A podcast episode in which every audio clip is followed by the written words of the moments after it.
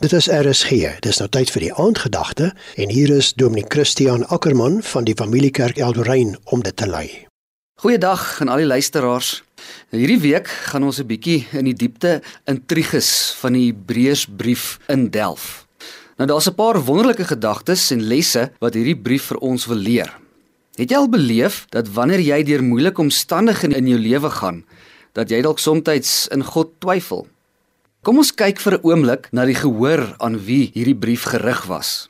Nou hulle was tweede generasie gelowiges gewees en dit wil voorkom asof hulle in moeilike omstandighede hulle nuwe Christelike geloof moes uitleef. Nou die gevolg was dat hierdie mense begin verslap het in hulle geloof. En die moontlikheid was ook daar gewees dat hulle die Christelike geloof dan ook heeltemal kon laat vaar het. Die Hebreërs skrywer, hy wou dit vermy En daarom skryf hy met soveel oortuiging oor die messiaanskap van Jesus. Nou kom ons lees die inleiding van hierdie brief daar in hoofstuk 1. Nou in die verlede het God baie keer en op baie maniere met ons voorvaders gepraat deur die profete. Maar nou, in hierdie laaste dae, het hy met ons gepraat deur die Seun. God het hom deur wie hy die wêreld geskep het, ook erfgenaam van alles gemaak. Uit hom straal die heerlikheid van God en hy is die ewe beeld van die wese van God. Hy hou alle dinge deur sy magswoord in stand. In die eerste 3 verse praat hy die skrywer van die profete van ouds. Hy verwys na profete soos Jesaja, Jeremia en ook die kleiner profete soos Micha en Maleagi. Nou tydens die Ou Testament het God deur die profete met die volk gepraat. Hulle was die spreekbuis gewees deur wie God met die volk gepraat het en opdragte gegee het en waardeur hulle bemoediging gevind het en ook soms vermaaning. Nou die skrywer verwys na die profete omdat die woorde van die profete baie gewig sou dra vir 'n Joodse gehoor.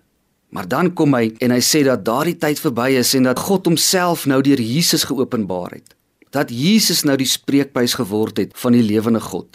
Dis as ons God wil vandag leer ken, dan kan ons nie anders nie as om na Jesus se woorde en sy lewe te kyk. Niks en niemand anders is 'n beter weerspieëling van wie God is nie. Nou om dan die belangrikheid van Jesus te beklemtoon, sê die skrywer dat Jesus selfs bo die hemelwesens, die engele is. Hy's nie eers hulle gelyke nie. Nee, hy is verhewe bo hulle. Hy sit selfs aan die regterhand van God. Hy word verhoog tot die hoogste koning. So voordat die gehoor van die Hebreërsbrief dalk hulle geloof wou prysgee, Dan sê die skrywer: "Wag, stop vir 'n oomblik en besef net weer wie Jesus is. Besef net wat hy alles gedoen het en wie hy ook kom verteenwoordig het hier op aarde." Nou miskien wil die Hebreërsbrief vir my en vir jou juis vandag net weer daaraan herinner dat Jesus 'n werklikheid is. Hy's die gesalfde, die koning van die konings, verhewe bo alles, selfs die engele, en dit is hy deur wie God aan ons kom wys het hoe lief hy ons het. So wanneer jy weer twyfel en onseker is, gaan lees weer hierdie eerste paar verse sodat jy weer herinner kan word oor wie Jesus werklik is en hoe lief God ons elkeen werklik het. Dit was die aandgedagte hier op RSG, algebied deur Dominee Christian Ackermann van die Familiekerk Eldorein.